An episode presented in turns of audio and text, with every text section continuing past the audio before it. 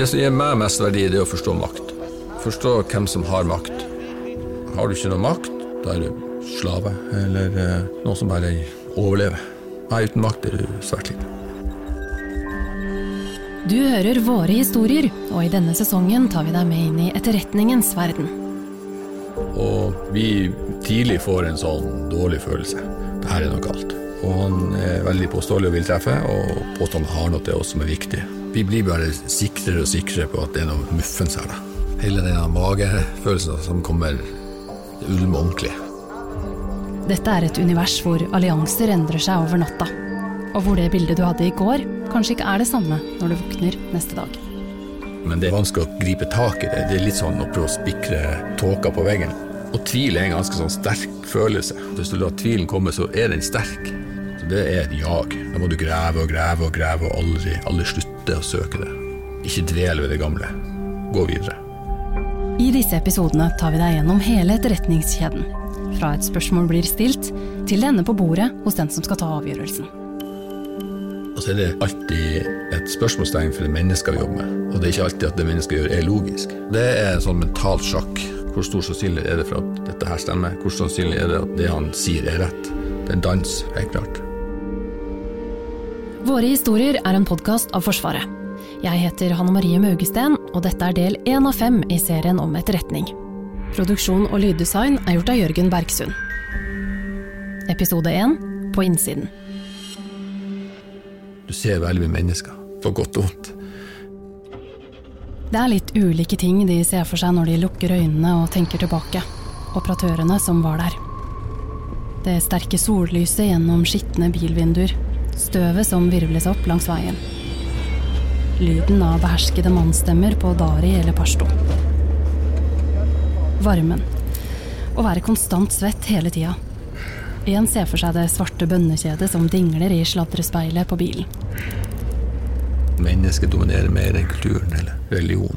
Vi mennesker kan være ganske fæle, altså. Vi kan være så grusomt fæle med naboen. Han husker bønneropene fra minareen, så klart, og de små mopedene. De som er overalt.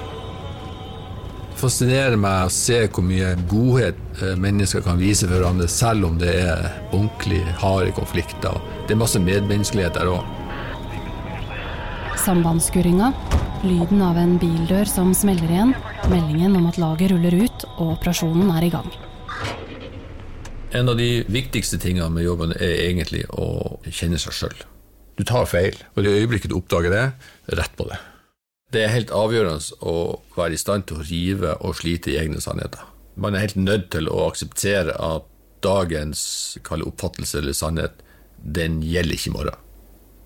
Vi mennesker liker at det er enkelt. Derfor mennesker lager modeller, spesielt innenfor psykologi eller økonomi. eller Man elsker modeller for å forenkle virkeligheten. For virkeligheten er vanskelig på alle plan. Men innenfor etterretning så må du akseptere det at ting er komplisert, uoversiktlig, og det forandrer seg hele tida. Og det tenker jeg er en del av naturen. Han som snakker her, er Markus. Han har jobbet med etterretning i Forsvaret i snart 20 år. Å si at jeg liker det som er farlig, er ikke rett, men jeg liker at det er vanskelig. Og det å jobbe med mennesker er vanskelig, for det er ingenting som er likt. Ett menneske er seg sjøl, men det mennesket sammen med deg er noe annet. Det er aldri en fasit. Det treffer meg på en god måte. I sju år jobbet han og kollegaene hans i Etterretningsbataljonen med å gi norske hærstyrker så god etterretning som mulig om et område i Nord-Afghanistan. Typiske spørsmål de prøvde å finne ut av, kunne være hvilke trusler som ville møte de norske styrkene i den og den byen, eller hvor det potensielt kunne komme et bakhold eller ligge IED-er, veibomber. For å kunne si noe om disse tingene, måtte de også svare på hvem er det som har makt her? Hva er det som er sant? Og hvem kan vi stole på? Og så måtte de prøve å forstå motstanderen, Taliban. Selv om du vet at det er hardbarka krigere som har tatt livet av masse folk på de mest ja, utenkelige måtene, så er det også kan ringe på kveldene og bare vil prate skit.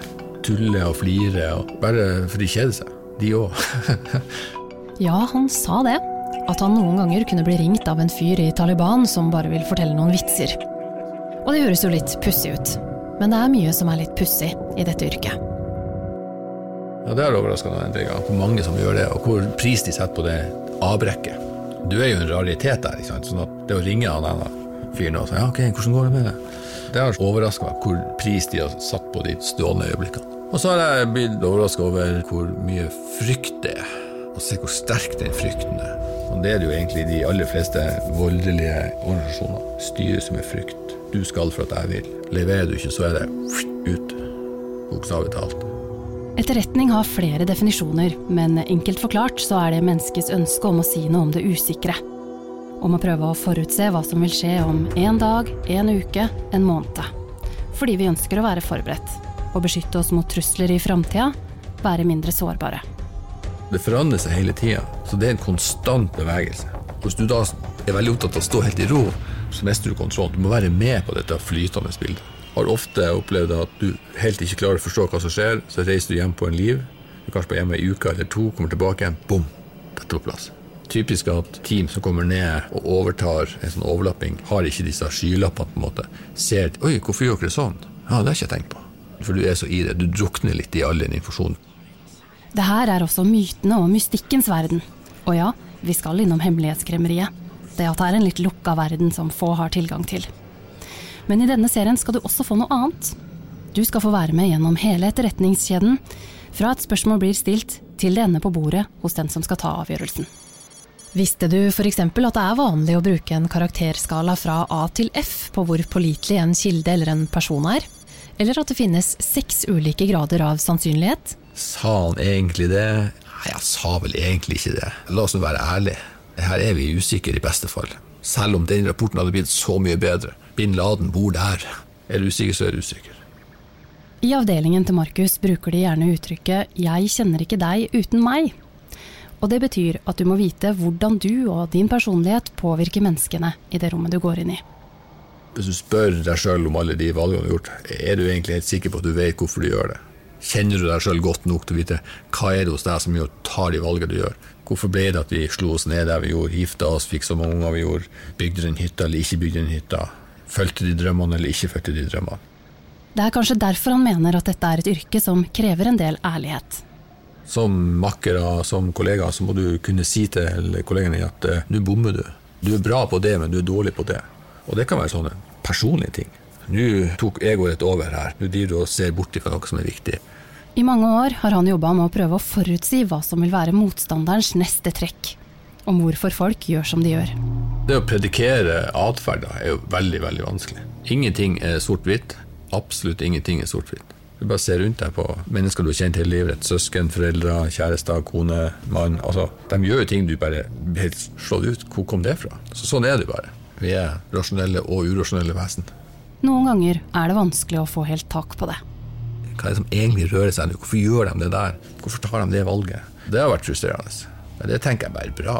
Så ikke på det som noe negativt, men du blir jo frustrert når du jobber lenge og du fremdeles er usikker. Har jeg kommet til rett konklusjon? Alt dette gjør seg gjeldende når Markus og kollegaene hans reiser til Afghanistan. Men vi starter i Norge. For det er litt spesielt dette livet som man ikke forteller så mange om. Det er mars, snø på bakken og det første møtet med Markus og kollegaene hans. Det jeg lurer på nå, det er jo åssen det blir å intervjue de her folka. De er jo smarte folk og vant til å skaffe informasjon, så hvem intervjuer hvem? Det tenker jeg litt på nå. Hei, hei. Hei, det er du som skal til oss i dag? Stemmer. Etterretningsbataljonen pleier ikke å fortelle så mye om seg selv, og spesielt ikke denne avdelingen. Så den gjengen du skal få møte nå, den er det sjelden du hører om i mediene. De jobber med MI, menneskebasert innhenting. Det vil si informasjon man får gjennom å møte mennesker. Vi starter her med at du legger fra deg telefonen. og Ja. Har du smart? Skal vi se. Nei, det har jeg ikke. Nei. Eh, Men jeg har noen bilnøkler Ja, da kan du legge dem inn der. og mobil. Det er ganske vanlig at man legger fra seg mobilen før man skal inn i ulike møterom eller avdelinger i Forsvaret. Så skal vi inn i sluse her. Men her legger jeg også fra meg opptakeren. Vi går gjennom flere dører og sluser før vi kommer inn til hjertet i avdelingen. De aller fleste land har en eller annen form for statlig etterretningstjeneste, gjerne flere. USA har hele 17 ulike etterretningsbyråer, blant dem CIA og NSA. Storbritannia har bl.a. MI6 og MI5, og i Russland finner man GRU og FSB. det som tidligere het KGB. Kanskje har du også hørt om Israels E-tjeneste, Mossad, eller franskmennenes DGSE gjennom TV-serien Le Byrå. Her i Norge har vi tre etterretnings-, overvåknings- og sikkerhetstjenester. De kalles gjerne de hemmelige tjenestene. Det er Etterretningstjenesten, eller E-tjenesten, Politiets sikkerhetstjeneste, PST, og Nasjonal sikkerhetsmyndighet, NSM. E-tjenesten konsentrerer seg om det som skjer utenfor Norges grenser, og er Norges utenlands etterretningstjeneste.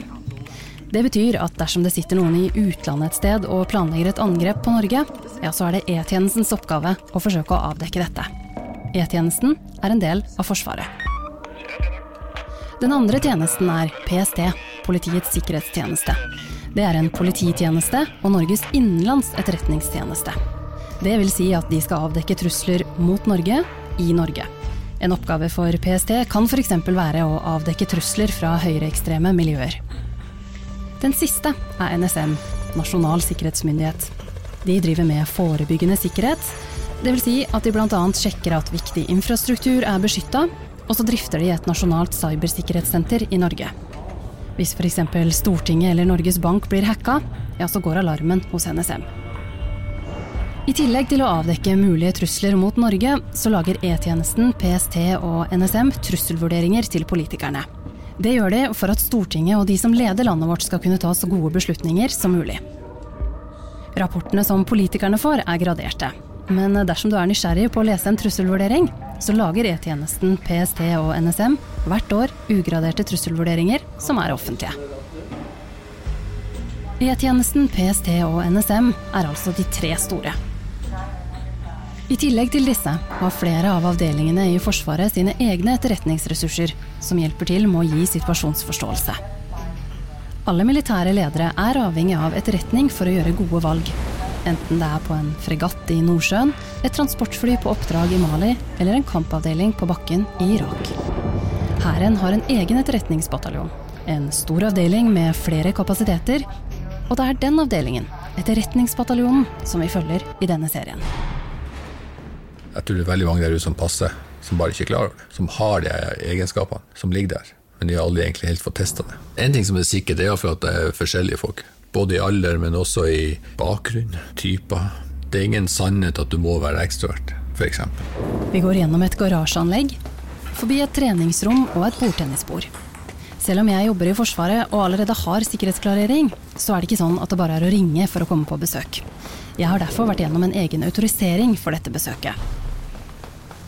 Vi har vært i noen av kontorlokalene, og nå går vi mot avslapningsområdet. Det er ganske sjelden de har utenforstående gjester, så Markus forteller at gjengen hans er litt spent. Her er det bokhyller med bøker på litt ulike språk, dype mørkebrune skinnsofaer og en bardisk med vaffeljern og Munkholm. Og siden opptakeren nå ligger låst inne i et skap langt unna, så får du ikke høre stemmene til operatørene. Men jeg får lov til å gjenfortelle det som skjer. Når du var der på den ene kvelden, du hører jo hva du får servert. Det første som skjer, er at jeg må svare på to dilemmaer. Kanskje er det en test, eller kanskje er det bare en lek. Men det gjør i alle fall at vi bare noen minutter inn i samtalen diskuterer livskvalitet, hvor villig man er til å ta risiko, og hvor opptatt vi er av penger. Det å være i den leken der, det er det veldig mange syns er stas. Jeg liker det. Det kan jeg holde på med i evigheter. Jeg flirte litt når du kom, for at jeg tenker bare å ja, på første forsøk så får du det greia der. en av de jeg snakker med, har studert samfunnsøkonomi, men syns kontorjobben i Oslo ble for kjedelig. Noen har militær bakgrunn fra før, mens andre kommer fra det sivile. I rommet er det både en tidligere ingeniør og en jurist. Her er det en medieviter og en tidligere elektriker. Han som stiller dilemmaet, jobba egentlig innen skipsmegling før han kom hit. Og borte ved baren står det en som kommer rett fra studiene på Handelshøyskolen. Det henger bilder fra reiser til alle operasjonsområdene de har vært i, på veggene. Her er det et silkekart, flagg fra flere ulike land. Kontrasten mellom vaffeljernet og de persiske teppene er stor. Borte ved baren henger det også en rød fløyelsgardin. Hvis man trekker gardina til side fordi man lurer på hva som henger bak, dukker det bare opp et stort speil. Det som kanskje går igjen hos de som jobber hos oss, er at det er folk som liker at ting er usikkert. De trenger ikke at ting skal være enkelt. De kan godt leve med usikkerhet, at sannheten er ikke sannheten. De kan godt leve med at ting er vanskelig å forstå over tid. På den ene bokhylla har noen teipa opp et dikt som en av operatørene, soldatene, har skrevet. Diktet er skrevet i slampoesistil og er en slags lek med ord. Det begynner med setningen 'to prosesser går over en vei', og ender med setningen 'to proteser går over en vei'. Det må ikke på døde liv være sort-hvitt. Det er helt greit at det er grått når folk sier at ja, det er enkelt i min verden. Nei, det er ikke det. Det er ikke min og din og alle andre. Det er én verden. Og vi alle må rote rundt i den samme verden. Og den er kompleks. En dag ser det sånn ut, og neste dag så ser det helt annerledes ut. Jeg spør han som står og steker vafler ved bardisken hva de synes er den mest irriterende antagelsen om dem. Flere kobler seg på i samtalen og sier at det som er den vanligste misforståelsen, det er at folk tror de er en gjeng med sosiale kameleoner. At de har et slags røntgensyn som gjør at de ser rett gjennom folk på første forsøk, og at de kan lese tankene til fremmede. Markus er enig. Folk tror at det er en skole med masse lure triks som ingen vet om. Ei hemmelig håndbok. Det er mye latter og prating i rommet. Her er det både etterretningsoperatører og analytikere. Jeg er vant til å være den som stiller spørsmålene, men her får jeg innmari mange spørsmål tilbake. Mot slutten av kvelden spør jeg operatørene hvordan livet der ute høres ut for dem. Når de lukker øynene og tenker tilbake, hva er det vi skal se for oss? En sier klirringen i glass, chai-te på et brett. Han med det mørke håret sier dunkingen i brystet, den spente hjerterytmen. Og så er det en som kommer på kofferten. Den må vi jo ha med. Kofferten har mange små lommer i lokket. I lommene ligger det gamle Nokia-telefoner. Og når det ringer i en av disse telefonene, ja, så gjelder det å være på alerten. Kofferten dukker opp igjen senere i denne serien. Utover kvelden er gjengen blitt enige om at det er Markus som skal fortelle historien. Og at neste gang jeg kommer, så får jeg lov til å ha med meg opptakeren. Så herfra og ut skal du få høre så mye som mulig. I neste episode Hva er det som er handelsvaren her? Det kan være alt fra olje eller narkotika eller mennesker, og gjerne miks av alt. Svært ofte så er det penger og makt og handel som rår. Du har hørt del én av fem i serien om etterretning. Våre historier er en podkast av Forsvaret.